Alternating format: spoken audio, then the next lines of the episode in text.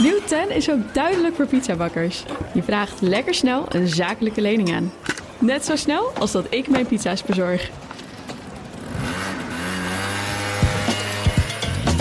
Duidelijk voor ondernemers. Nieuw 10. Je doelen dichterbij. Een initiatief van ABN AMRO.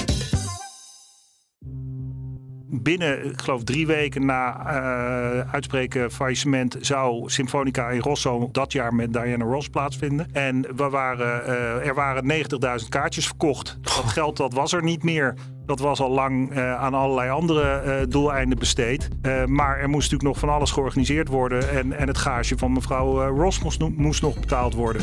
Niet elk ondernemersavontuur eindigt met een notering in de quote 500. Niet elk bedrijf overleeft een flinke crisis. Niet elke onderneming weet het financiële spel goed te spelen. En als alles misgaat, als de chaos regeert en schuldeisers aan de poort rammelen, dan breekt het tijdperk van de curator aan. In deze serie praten mijn collega Elisa Hermanides en ik, Thomas van Zel, over onvergetelijke faillissementen met de puinruimers van het bedrijfsleven. Dit is Onder Curatoren.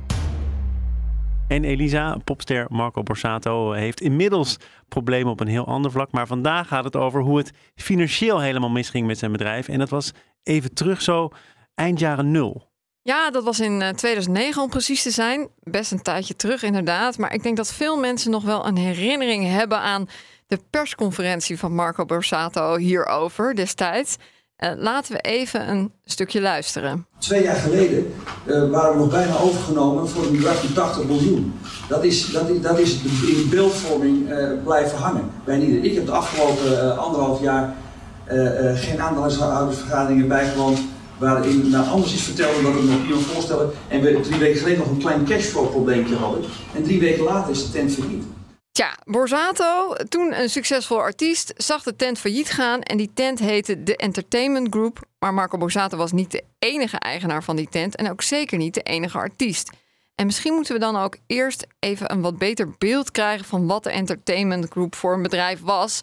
En dat kunnen we natuurlijk het beste vragen aan onze gast van vandaag. Dat is Jan Padberg, advocaat en curator bij HVG Law. Welkom. Dankjewel. Leuk om hier te zijn. Ja, die entertainment uh, group. Kan je schetsen wat voor bedrijf dat was op dat moment? Ja, dat kan ik zeker. Uh, de entertainment groep was eigenlijk een heel breed entertainmentbedrijf waar een aantal artiesten, eigenlijk een beetje de hele Nederlandse stal onder contract stond. Uh, en daarnaast hadden ze allerlei andere activiteiten van het organiseren van uh, events, maar ook het, uh, het houden van muziekrechten, publishing rights van, van allerlei schrijvers en artiesten. Ehm, en allerlei aanverwante activiteiten. Dus eigenlijk meest brede zin in de entertainmentwereld allerlei activiteiten. En Marco Borsato zat er dus. Wat voor verdere bekende artiesten zaten er nog meer? Ja, wie eigenlijk niet? Ilse de Lange zat er, uh, Guus Meeuwis zat er, uh, Treintje Oosterhuis, uh, nou, eh, Jan Smit. Eigenlijk bijna heel Entertainment Nederland rond de jaren. Je moet wel echt je best doen om het te verpesten dan, als je dat zo voorbij hoort komen, die hele stal. Ja. De toppen van hun kunnen, de toppen van hun roem. Nou, dat, dat klopt ook, maar dat verpesten zat het niet zozeer in het hardcore entertainment. Uh, dat, dat, dat zat toch voor over het algemeen in het niet goed besteden van de gelden die ermee verdiend werden. Daar komen we zo op terug. Het was uh, september, 15 september 2009, uh, toen uh, Surgeons van Betaling werd uitgesproken. Wat herinner je eigenlijk van die eerste week in september? Ben jij gebeld of ja. hoe, hoe ging dat? Het gonste al een tijd uh, van heel veel geruchten. Met name de, de Telegraaf was vrij agressief uh, in allerlei publicaties uh, van wat er gaande was in Hilversum aan de vaart weg. dus ik had deze al een beetje zien aankomen. Dan weet je natuurlijk nooit of je zelf wordt benoemd. Maar op het moment dat je dan door de rechtbank wordt gebeld, dan denk je: oké, dit is even wel ja, een heel interessant faillissement. En adrenaline gaat meteen volop stromen. Dus je had er wel zin in. Ik je dacht wel ja, van. Kijk, ik bedoel, professioneel gezien had ik hier zeker zin in. Dit zijn natuurlijk toch een beetje de krenten uit de pap. En dit was er absoluut één van.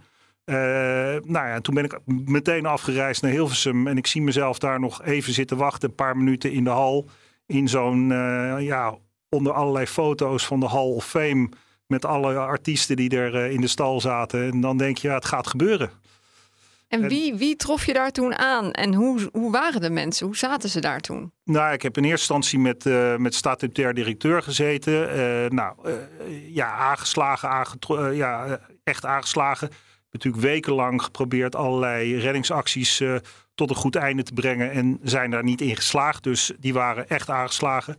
Uh, het personeel was aangeslagen. Veel hadden uh, het totaal niet zien aankomen. En hoeveel mensen ging het om? Hoeveel mensen waren op dat moment nou, nog in dienst? Toen ik binnenkwam was het nog een relatief kleine groep. Ik denk een uh, kleine honderd mensen. Omdat men al in het jaar daarvoor stevig gesaneerd had. Dus het personeelbestand was al behoorlijk teruggebracht. Je had het al even over de Telegraaf. Uh, hè, er was al heel veel duidelijk over wat daar aan de hand was. Of in ieder geval kwam er veel in de media. Of het dan duidelijk is, dat is natuurlijk nog een, uh, nog een tweede. Laat ik uh, kritisch zijn op onszelf. Maar ga je dan ook op een andere manier te werk als het zo onder het vergrootglas ligt van de media? Zeker. of in die zin niet per se. Maar er waren hardnekkige geruchten, ook in de media, dat er nou, heel veel administratie niet meer zou zijn. Mailboxen gewist zouden zijn. Uh, allerlei bestanden zeg maar, die nodig zijn om een goede analyse van het faillissement te maken, er niet meer zouden zijn. Dus ik heb eigenlijk wel op, op dag één besloten een bedrijf naar binnen te halen om te zorgen dat ik de administratie veilig stel qua data, qua hardcopy. Maar ook uh, een check op de administratie, op de IT zou doen. Uh, of er dingen gewist zouden zijn en teruggehaald konden worden. Maar is dat er ook een lek? Want de Telegraaf komt natuurlijk op een bepaalde manier aan zijn informatie. Het was zo lek als een mandje, oh. uh, durf ik wel te zeggen. En uh, sterker nog, ook in die eerste weken van het faillissement uh, ben ik er eigenlijk op een gegeven moment achter gekomen dat er gewoon allerlei mensen direct open lijntjes hadden met de media. En dat komt waarschijnlijk omdat iedereen in dezelfde wereld zit.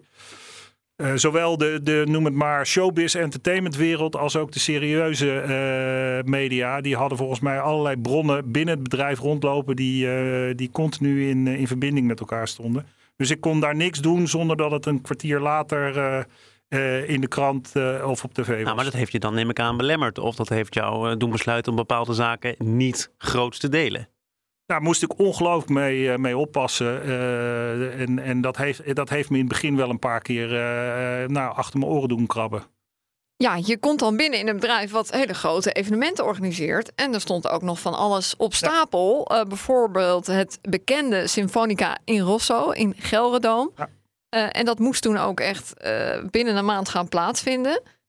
Ja, daar moet je dan gelijk mee aan de slag, stel ik me Absoluut, dat was een van de nou ja, meest uh, urgente zaken. Uh, ik, binnen, ik geloof drie weken na uh, uitspreken faillissement... zou Symfonica in Rosso dit jaar met, dat jaar met Diana Ross plaatsvinden. En we waren, er waren 90.000 kaartjes verkocht. Dat geld dat was er niet meer. Dat was al lang aan allerlei andere doeleinden besteed. Uh, maar er moest natuurlijk nog van alles georganiseerd worden. En, en het gage van mevrouw uh, Ross moest, moest, nog betaald worden. Uh, dus dat dreigde een debakel te worden. niet alleen voor mij als curator, want ik zou 90.000 boze ehm, toeschouwers in mijn boedel krijgen. die waarschijnlijk mijn organisatie zouden hebben lamgelegd. En dat zijn schuldeisers dan op dat, dat moment? Dat zijn schuldeisers potentieel. Ja. Um, maar ook, en dat was dan deels weer een, een, een, een deel van de oplossing de entertainmentindustrie zou een enorme dreun daarvan kunnen krijgen. Van wat is de betrouwbaarheid nog van ik koop een kaartje en het concert gaat door.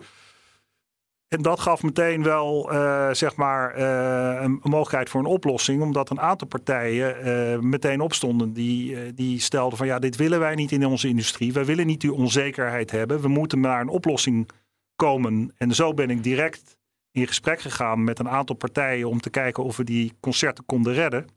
Ook met Van den Ende, heb ik begrepen. In eerste instantie uh, bij Stage uh, Entertainment. Uh, en dat, die waren al eerder in beeld geweest, ook in het kader van een eventuele overname. Maar ook toen heb ik specifiek hierover gesproken. Nou, dat ging niet de kant op die ik voor ogen had. En toen werd ik, toen ik daar zat, gebeld door Mojo.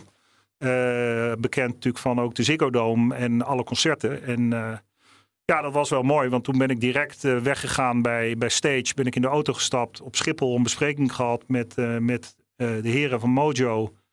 en dat is dan wel mooi, want nou ja, ik loop doorgaans in een grijs pak met een das. En zij zien eruit als, als, als roadies die boxen dragen. Maar we hadden meteen een klik met elkaar. En we hadden denk ik binnen een uur of anderhalf uur hadden we een oplossing. En zij stonden in voor, voor het doorgaan van de concerten. Met alle rechten en plichten. En, en ja, toen is het idee geboren dus dat Marco Borsato een aantal concerten zou geven ter financiering van de Diana Ross concerten. Dus dat is het Marco and Friends concept geworden. Maar, maar dan moet je hem zover krijgen, toch? Dat hij dat, ja, dat, hij dat nou gaat ja, doen. Dat, dat was ja, onder uh, gezonde druk van, van, van, van Mojo. is dat eigenlijk gerealiseerd? Mojo heeft eigenlijk zich op dat moment over het management van, van Marco verder ontfermd. En weer ja, back on his feet geholpen. Ehm, en ja, eh, daarbij is, de, is, is deze afspraak toen gemaakt. Daar, daar ben ik verder geen partijen geweest. Maar dat was wel onderdeel van het totale reddingsplan. Laten we even naar de oorzaak gaan van het uh, faillissement. Je had het net al over hè, dat bedrijf dat je inhuurde om zeg maar, al die administratie meteen daaruit te trekken, uh, allemaal veilig te stellen. Uh, er is een heel onderzoek ook gedaan. kun je vertellen, wat, wat trof je daar aan? Ja, die, die administratie die was, uh, ja, die was chaotisch. Die, die klopte gewoon niet. eigenlijk al jaren niet. Die voldeed dus ook niet aan de wettelijke eisen. En nou ja, ook in het jaar voorafgaand aan het faillissement dachten ze dat ze winst hadden gemaakt. Maar toen er nog een keer goed werd gekeken, was het geen 2 miljoen winst, maar was het 2 miljoen verlies. Ehm, en op basis van verkeerde cijfers heeft men allerlei uh, ja, activiteiten ontplooid, waardoor, waaronder allerlei overnames, uh, waaronder allerlei leningen verstrekt aan, ja, noem het zusterbedrijven van de entertainmentgroep. Dus allemaal andere bedrijven van... van Sweet Spot. Sweet Spot, Grump. Uh, en dat deden ze dan met geld dat binnenkwam via ja, de dat deden ze eigenlijk uit de operationele kaststroom van dus de opbrengsten van de kaartjes van Diana, de opbrengsten van de concerten van Marco... Uit die operationele kaststroom werden gelden onttrokken. Um, en werden gebruikt voor allerlei, noem het maar, uh, nou, buitenechtelijke avonturen.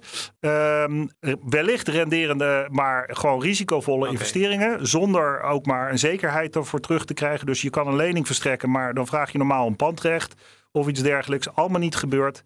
Dus er is heel veel geld echt op die manier uh, door het putje verdwenen. Plus dat ze inderdaad in België een overname hebben gedaan van een ja, ze wilden eigenlijk een Tech België neerzetten, de entertainmentgroep België. En daar hebben ze toen een, een, een, vrij kleine speler overgenomen in België. En daar is geloof ik 10 miljoen uh, cash in gepompt in, in een hele korte tijd. Uh, dus dat, en dat, dat, was, dat was een soort VPRO-achtige programmamaker. Dus die, die heel goed was, maar voor een hele kleine markt. Uh, dus, dus dat was een totale mismatch eigenlijk. Dus maar als ik dat zo hoor, dan hè, ook uh, wat je al zei over dat Symfonica in Rosso, was dat er kwam geld binnen voor evenementen die soms nog niet eens uh, maanden, waren georganiseerd. Maanden later pas zouden ja, plaatsvinden. Dus ja. die waren nog, dat geld was ook, moest nog uitgegeven worden om dat daadwerkelijk te organiseren. Maar het geld voor de kaartjes was al binnen. En daarvan werden dus onder meer die andere ondernemingen in België, die andere ondernemingen van verschillende aandeelhouders werden gefinancierd ja, ik ben niet eens een financieel expert, maar dat lijkt me überhaupt niet zo heel handig, toch? Was er niemand die daar het overzicht op had? Nee, dat, uh, dat is zeker niet handig. En sterker nog, uh, ik denk ook als je het kijkt vanuit je hoedanigheid van bestuurder van de entertainmentgroep, gewoon onverantwoord en eigenlijk onbehoorlijk. Uh, dus uh, wat dat betreft werd, werd, werd, werd de entertainmentgroep niet goed geleid. Ehm, ehm, Wie was daar dan de baas? Nou, dat, dat was ook een punt. Uh, je hebt natuurlijk de aandeelhouders, uh, die hebben rechten als aandeelhouders. En dan heb je een statutaire directie, uh, die, die moet de baas zijn. En die is ook formeel de baas. En daar zijn vrij veel wisselingen geweest in relatief korte tijd. En waren ook, denk ik, niet in staat echt de baas te zijn met deze groep aandeelhouders. Maar laten we even.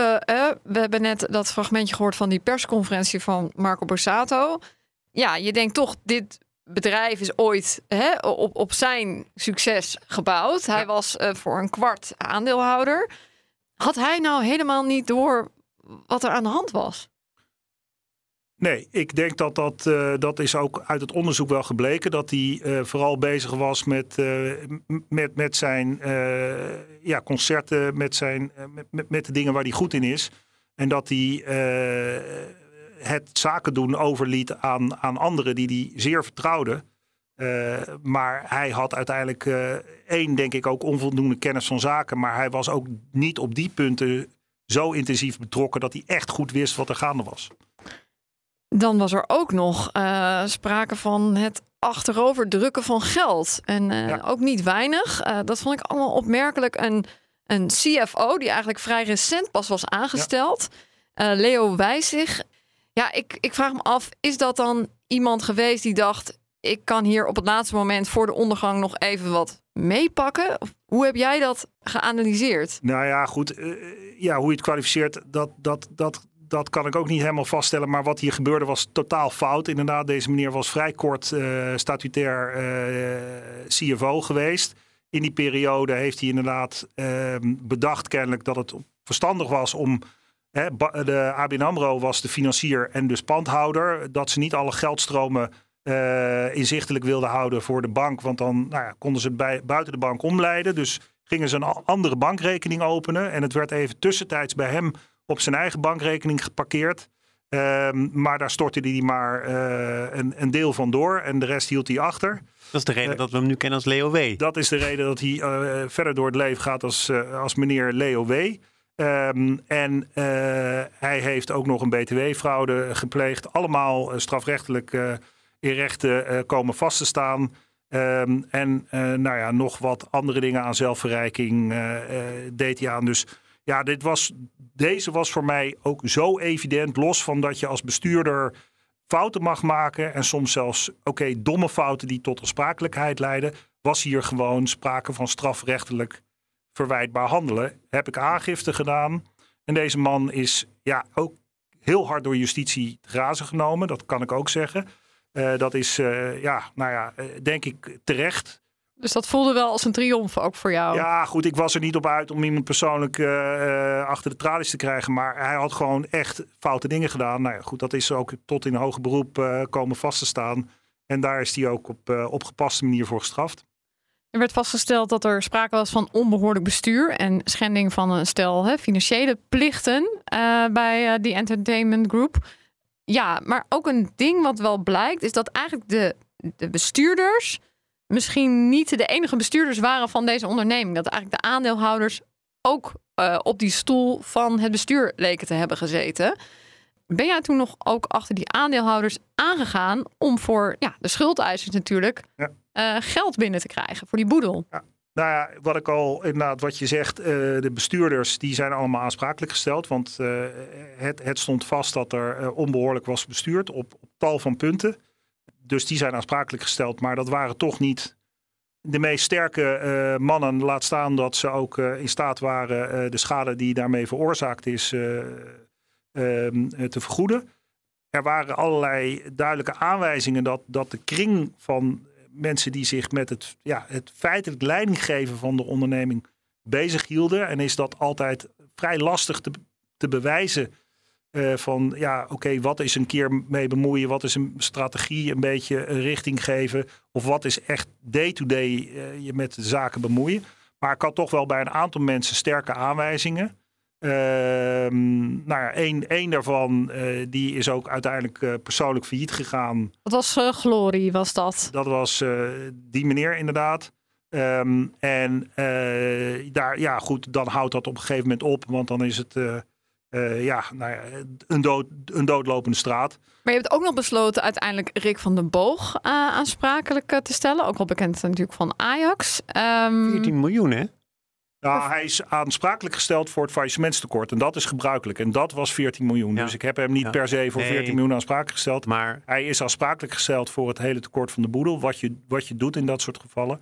En uiteindelijk hebben we heel veel in, in dit hele licht is er heel veel, zijn er heel veel voorlopige getuigen voor geweest. Omdat uh, ja, je moet het echt duidelijk krijgen van hoe, hoe de feitelijke situatie was. En nou, die administratie was al gebrekkig, laat staan notulen, et cetera. Dus je moet het vooral uit de, de omgeving hebben van ja, wie was er dan de baas en wie gaf de instructie en hoe ging dat dan en wie drukte op kom de ik hier even op het eh, citaat van de advocaat van Van der Boog. Toen ter tijd uit de NRC. Die zei: Wij gaan dit rustig uitproduceren. Omdat oud-bestuurders hebben verklaard dat zij en niet Van der Boog de baas waren. Tegen de curator zou ik willen zeggen: Wat komt u doen? Nou ja, eh, uiteindelijk eh, eh, hebben we onze, onze knopen geteld, of heb ik mijn knopen geteld als curator na al die verhoren. En heb ik vastgesteld dat het procederen risicovol was. En hebben we uiteindelijk een schikking getroffen. Risicovol in welke zin? Nou ja, dat, ik kan jarenlang gaan procederen, maar als ik dan vervolgens nul op het rekest krijg, heb ik de boedel geen dienst be- bewezen. Heb ik heel veel geld aan procederen uitgegeven. En dus uiteindelijk hebben we in het totale verhaal hebben we, eh, besloten die zaak te schikken. Voor een ton. Dus dan had je toch nog een ton voor de boedel.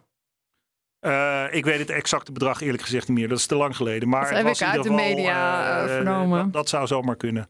Ja, die boedel. ehm zaten er nog interessante dingen in voor mensen. Laten we Marco Borsato. Zeker. Ja, eh, hoe ging dat? Eh, daar was denk Ja. ik toen nog wel heel wat interesse voor. Ja, nou, het bijzondere was dat eh, we hebben op een gegeven moment, we moesten dat pand natuurlijk opleveren. En dat hele pand stond al vol met allerlei memorabilia van, van, nou, uit de entertainmentwereld.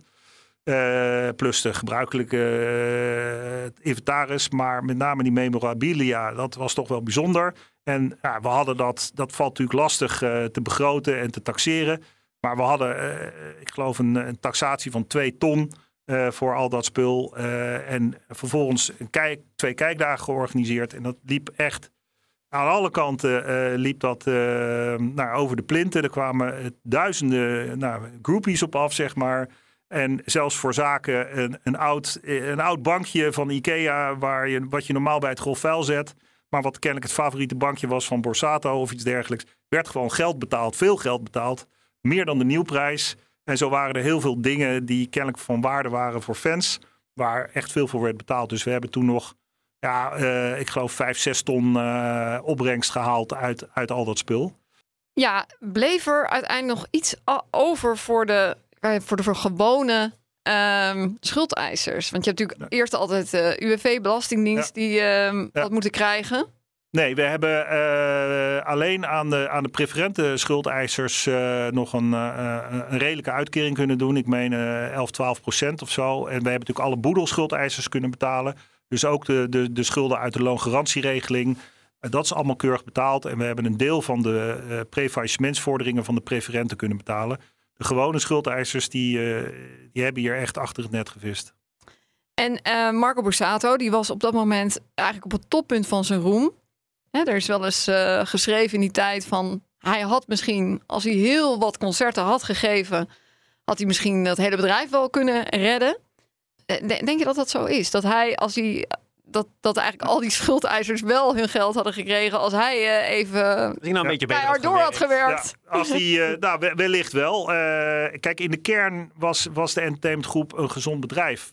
En, en anderhalf jaar of een jaar voor, voor het faillissement hebben ze nog een bieding gehad van, ik meen, bijna 80 miljoen op het hele bedrijf. Dus ze hadden goud in handen en dat hebben ze werkelijk door hele domme dingen in, in, in een relatief korte tijd door hun vingers laten gaan. En dat die artiesten ze- eh, gingen lopen... dat was voor jou ook de reden om niet meer na te denken over een doorstart of zoiets Dus dat was, dat was een illusie.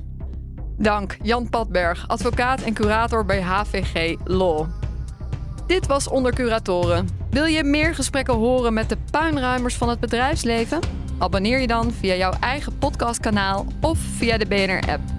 Luister vooral ook de vorige aflevering over Faltifest. Een legendarisch festival dat een maand voor de editie van 2017 failliet ging. Dankjewel voor het luisteren.